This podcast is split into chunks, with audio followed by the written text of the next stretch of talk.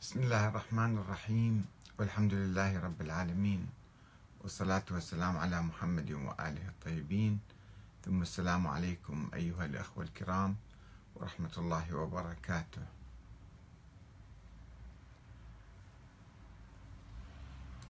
هل يجوز التعددية في ولاية الفقيه؟ أم يجب الخضوع لفقيه واحد في العالم؟ هذا السؤال مقدم من الأخ سامي الخويطر. وفي الإجابة على ذلك نقول الأخ الخويطر يسأل يقول السيد أحمد الكاتب هل يجوز تعدد ولاية الفقيه؟ فلو قامت دولة شيعية في المغرب مثلا فيكون لها ولي فقيه أم يجب أن تلتزم بولي الفقيه في إيران فتطيعه في كل أموره؟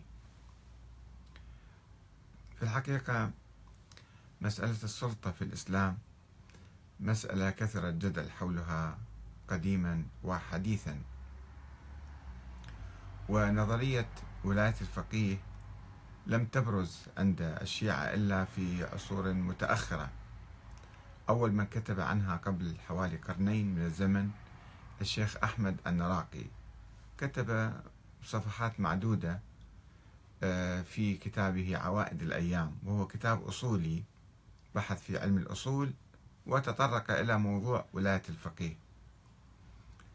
ثم آه، تبناها يعني بعض العلماء في العقود الأخيرة ومنهم السيد محمد الشيرازي وبعد ذلك أو قبل ذلك أيضا الإمام الخميني طرح هذه الفكرة في سنة 1969 في كتابه الحكومة الإسلامية وهي مجموعة محاضرات ألقاها في النجف عندما كان مهاجرا ولاجئا في النجف. ثم أقام الحكومة الإسلامية في إيران ولم تقم على أساس ولاية الفقيه إنما قامت على أساس الدستور والجمهورية الديمقراطية الانتخابات. يعني تصور الإمام الخميني للحكومة الإسلامية. أن يحكمها فقيه مثل أي مرجع مثلا. آه، ولكن كانت هناك حركات سياسية آه، عديدة في إيران وكان الشعب الإيراني لم يسمع أو لم يتفاعل كثيرا مع فكرة الحكومة الإسلامية. فخلال المظاهرات التي خرجت سنة 78 ضد شاه إيران السابق طرح الشعب الإيراني شعار الجمهورية الإسلامية. الاستقلال والحرية والجمهورية الإسلامية. هذه ثلاث شعارات كان يهتف بها المتظاهرون في إيران. وطبعا كان يوجههم بعض آه، القادة من زعماء الحركات السياسية كحركة الجبهة الوطنية اللي منشقة عن الحركة الوطنية من حركة آه، آه، مصدق. ثم الإمام يعني لم يصر على طرح نظريته بقوة فدعا إلى استفتاء إلى استفتاء حول الجمهورية الإسلامية وفاز هذا الاستفتاء. يعني أنتج عن نسبة عالية جدا أكثر من 98% يؤيدون الجمهورية الإسلامية. وأيضا دعا بعد ذلك إلى استفتاء حول الدستور. آه، ف جرت يعني انتخابات لانتخاب أعضاء للجمعية التأسيسية وجرى فيها جدال حول أنه يعني الجمهورية الإسلامية الإيرانية تكون جمهورية ديمقراطية تماما ويرأسها رئيس جمهورية ويعين رئيس وزراء. ولكن أنصار نظرية ولاية الفقيه حاولوا أخذ بعض الصلاحيات للإمام الموجه أو المرشد كما كانوا يسمون في البداية. آه، أن يعطوه قيادة القوات المسلحة فأفلحوا في ذلك. بدل من يكون الإمام مثلا أو أي مرجع مرشد روحي جالس في قم. هؤلاء في آه، المجلس التأسيسي آه، الشهيد بهشتي والشيخ حسين علي منتظري وآخرون. هؤلاء كانوا يميلون إلى إعطاء الإمام دورا أكبر في النظام الإيراني وهو قيادة القوات المسلحة بيده والقضاء طبعا وبعض الصلاحيات الأخرى. وولاية الفقيه نفسها كان فيها جدل أنه ماذا تعني أساسا؟ أي فقيه؟ يعني الفقهاء المعروفين سابقا عندنا كان كانوا فقهاء في الحلال والحرام والطهارة والصلاة والصيام والحاج والمسائل العبادية التي ليس منها موضوع الدولة وليس فيها أي بحث لموضوع الدولة. أساسا الفقهاء عبر ألف سنة الفقهاء الشيعة كانوا يرفضون إقامة الدولة.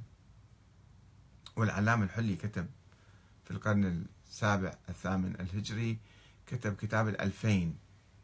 وهو كتاب يرفض تماما إقامة أي حكومة في الأرض إلا بانتظار الإمام المهدي المنتظر. ألفين دليل على إمامة علي بن أبي طالب والإمامة بالنص. ولا يجوز أن يأتي أي رئيس غير معصوم وغير معين من قبل الله. هذا الفقه الشيعي القديم.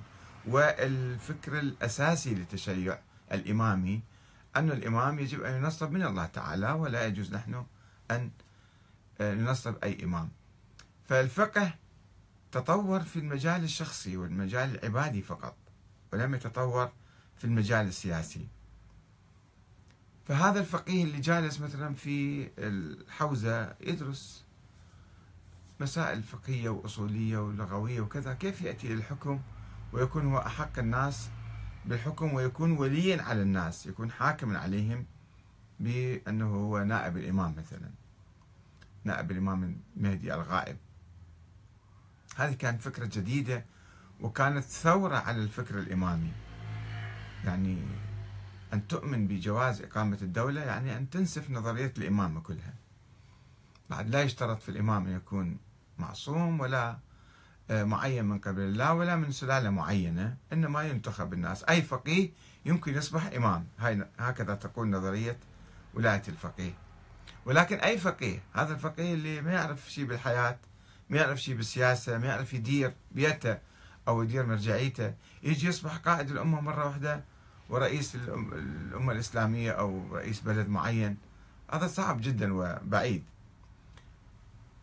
الرئاسة تحتاج علم اجتماع علم سياسة علم اقتصاد آه، علوم عديدة تتعلق بالحكم. ما لها علاقة بمسألة الحلال والحرام بالأمور الفقهية والعبادية والكذا. هذيك أمور شخصية. ف وحتى الآن في إيران هو الفقيه تطور. يعني تطور وأصبح هو يلم بعلوم عديدة عسكرية واستراتيجية وأمنية فضلا عن الاقتصادية والسياسية والاجتماعية حتى يستطيع أن يدير الحكم. فهذه أساس نظرية ولاية الفقيه. تطور لانقلاب في الحقيقة ليس تطور فقط.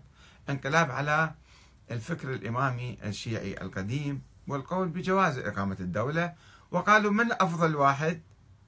نعطيها للفاسق الجاهل أم نعطيها للعالم العادل الفقيه العادل؟ طبعا عندما تختار بين اثنين العقل يقول العالم العادل المتقي الورع الزاهد أفضل من واحد فاسق فاجر ظالم مثلا. نعطيه نخليه حاكم علينا. ولكن عندما ندخل في التفاصيل من هو الفقيه؟ كيف يحكم؟ الفقيه اللي فقط في الصلاة والصوم فقيه ولا فقيه في في السياسة والاجتماع والحياة؟ آه، صار امتزاج في الحقيقة في تجربة إيران السياسية وحتى الدستور الإيراني لا ينص على الولاية الفقيه يسمي آه، القائد رئيس جمهورية والقائد. القائد طبعا لا يشترط أيضا فيه الفقه والمرجعية القديمة. هذا أيضا تجاوزوه في التعديل الدستوري 89 أنه القائد له مواصفات أخرى وكفاءات أخرى و يعني علم آخر. ولكن يسمى يعني مشهور عن إيران مشهور غير دقيق يعني في الحقيقة أنه يؤمنون بنظرية ولاية الفقيه. الآن السؤال سؤال الأخ سامي الخويطر. يقول يعني إذا صار فقيه حاكم في إيران مثلا هل يجب أن يحكم كل العالم وكل المسلمين أو كل الشيعة يخضعون إليه كما يقول أنصار نظرية الخلافة أنه إذا قامت الخلافة في بلد معين فعلى جميع المسلمين أن يبايعوا هذا الخليفة. حتى لو ثلاثة أربعة بايعوه وأصبح آه، عنده شوكة وأصبح خليفة فيجب أن المسلمين جميعا يبايعون. فهل هذا الشيء نفس الشيء ينطبق على الشيعة؟ أنه إذا أصبح فقيه ما آه، حاكما في بلد معين أم لا؟ في في تفصيل في المسألة هذه. في الحقيقة يعني آه، لأنه هذه الفكرة جديدة على الشيعة. الشيعة قبل نظرية ولاية الفقيه عندهم مرجعية. المرجعية تطورت في ظل غيبة الإمام الثاني عشر. اللي المفروض هو معين من الله ومعصوم ومنصوص عليه من الله. آه، وهذا غاب 1250 سنة تقريبا الآن. فقالوا نمت المرجعية. المرجعية كانت عابرة للقارات عابرة للحدود لأن مسألة دينية تتعلق بالفقه والفقه والعلم ما في حدود. ككل العلوم الأخرى أي واحد يجيب نظرية أو يجيب علم أو يجيب مسألة الناس تتلقوه من عنده في كل مكان. مسألة عادية. ما فيها حدود ما فيها قومية ما فيها مثلا جغرافية. إحنا هذا العالم آه، مثلا في بلدنا لو مو في بلدنا. ولكن عندما تتطور المرجعية إلى نظرية ولاية الفقيه وإلى حكم هنا تجي معادلات أخرى. وهذه المعادلات حكمت نظرية ولاية الفقيه. ففي إيران مثلا التجربة الإيرانية نظرية ولاية الفقيه محدودة بإيران حسب الدستور الإيراني. أن القائد اللي هو القائد العسكري أو الأعلى في البلد آه، سميناه ولي الفقيه أو ما سميناه. المهم هذا القائد. آه، هذا محكوم بالدفاع عن حدود إيران وينتخب من خلال الشعب الإيراني. مجلس الخبراء الذي ينتخب من الشعب الإيراني. في هذا المجلس مجلس الخبراء اللي هم مشايخ أكثرهم. على أساس يعني مجتهدين أو علماء. هؤلاء ليس فيهم واحد لا يحمل الجنسية الإيرانية. هم يمثلون الشعب الإيراني وينتخبون قائدا إيرانيا. فالعملية كلها تتم في حدود إيران. يعني إذا مد القائد الإيراني نفوذه إلى خارج إيران فهذا تفضلا منه ورحمة يعني وليس وليس يعني واجب دستوري عليه. بالعكس إذا مثلا حدثت آه، مثلا معركة أو خلاف حدودي أو شيء فهو يدافع عن حدود إيران. لا يدافع عن حدود مثلا الدول الأخرى. لا يدافع عن مصالح الدول الأخرى حسب الدستور. ولو أنه ممكن آه، يعني مبدئيا يمكن يدافع عن المظلومين في كل مكان أو ينصر المحرومين في أي مكان أو يتحالف مع أي دولة أخرى آه، لتحقيق أهداف سياسية معينة. هذا وارد كأي دولة أخرى تقوم بهذا آه، التحرك. ولكن حسب الدستور هو لا يشمل برعايته الدول الأخرى ولا يجب على الدول الأخرى وشعوب الدول الأخرى أن تخضع له. الشيعة مثلا في العراق ليس مطلوبا منهم أن يوالوا القائد الإيراني. حتى لو كان فقيها عادلا فهو قائد إيران هو حاكم إيران خلينا نسميه الآن. حتى لو كان يؤمنون بالمرجعية. يمكن يراجعوه في المسائل الفقهية مسألة عادية. كأي عالم مثلا إذا كان هو عالم وعنده آراء فقهية أو آراء فكرية مثلا معينة آه، يمكن يراجعوا فيها يمكن يأخذوا هذه المسألة. ما بها حدود. إنما الولاية السياسية الولاء لهذا الحاكم والخضوع له والاستماع لأوامره و آه، يعني طاعته طاعة سياسية أو دينية هذا خارج الدستور وخلاف الدستور الإيراني وخلاف أي دستور آخر. مثلا في العراق الأخ ضرب مثل في المغرب مثلا. في المغرب أو في أي بلد آخر يعني تحكم البلد أيضا الدساتير اللي مقررة من تلك البلاد ومن تلك الشعوب. الدستور العراقي مقر من الشعب العراقي. والشعب العراقي يقول يعني ينتخب حاكم معين في العراق ويوالي هذا الحاكم ويطيع هذا الحاكم حسب الدستور. لا يجوز له أن يطيع حاكما آخر من بلد آخر حتى لو كان يتفق معه في العقيدة في الإسلام في التشيع في أي شيء آخر ما يعني هذا الشيء. إلا إذا جرى اتحاد مثلا بين بلدين وصاغوا دستور جديد يوافق عليه الشعبان أو الشعوب المختلفة مثلا فممكن يتفقون على انتخاب قائد واحد لكل المنطقة هذه أو الدولة الواسعة. أما إذا هو يقول أنا حاكم بلدي فكيف يمكن أن يفرض نفسه على البلاد الأخرى ويقول لا تعالوا طيعوني أو اسمعوا كلامي أو كذا؟ يكون في تناقض. ولذلك يمكن بعض الناس ما يميزون بين هالمسألتين. يعني يخلطون بين العادة القديمة اللي هي المرجعية والتقليد أنه إحنا هذا نائب الإمام هو. آه، فوين ما يكون هو نائب الإمام. وهي نيابة الإمام يعني الفقهاء نواب الإمام. هذه فكرة فرضية ما لها أساس شرعي ولا أساس تاريخي. افترض بعض العلماء أن الفقيه هو نائب الإمام. فما يمكن نبني على الفرضيات وعلى الأحاديث الوهمية مثلا نظام سياسي. والنظام السياسي مثلا الدستور العراقي هو عهد بين الناس. معاهدة الدستور معاهدة بين الناس.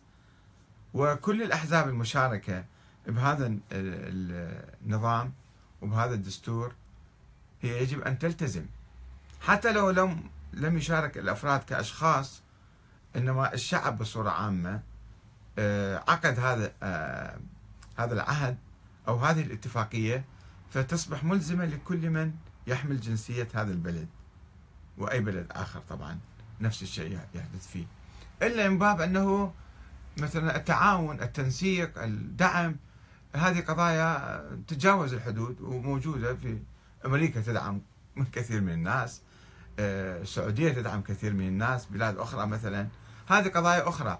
أما نتكلم دستوريا هل يجوز أن الولي الفقيه يفرض سيطرته وهيمنته على كل البلاد أم لكل بلد؟ طبعا في العراق أساسا النظرية ما مطبقة وما ملتزم بها. يعني الشعب العراقي الشيعي بالذات خلينا نسميه ما آمن أو ما عبر عن إيمانه على الأقل بنظرية ولاية الفقيه. حتى مراجع الشيعة في العراق لا يؤمنون بهذه النظرية. فكيف يمكن نقول أنه آه، الواحد مثلا إذا بالعراق قامت ولاية الفقيه أو إجا مرجع قال أنا أؤمن بولاية الفقيه وسيطر على الحكومة بصورة شرعية أو غير شرعية. يعني قال أنا حاكم البلد هذا. هل يستطيع أن يمد نفوذه إلى إيران إلى البلاد الأخرى أم القضايا القومية والإقليمية والمحلية تتحكم في هذه النظرية وتحدها بحدود وعلى الجميع الجميع سواء في داخل إيران أو خارج إيران في داخل العراق أو خارج العراق الالتزام بالدستور بالعهد بهذه الاتفاقية ولا يجوز مخالفة هذا العهد. فإذا جوابنا للأخ سامي الخويطر أنه هي أساس نظرية ولاية الفقيه نظرية فرضية. ومبهمة وغير واضحة أنه من آه، يعني طبعا نقطة نسيت أن أطرحها هي أنه نظام ولاية الفقيه عندما قام قام على اختيار الشعب.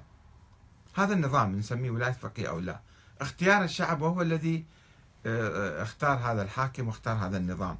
بينما بلاد أخرى قد لا تختار لا الحاكم ولا النظام فلماذا تجبر على أن تطيع هذا وذاك؟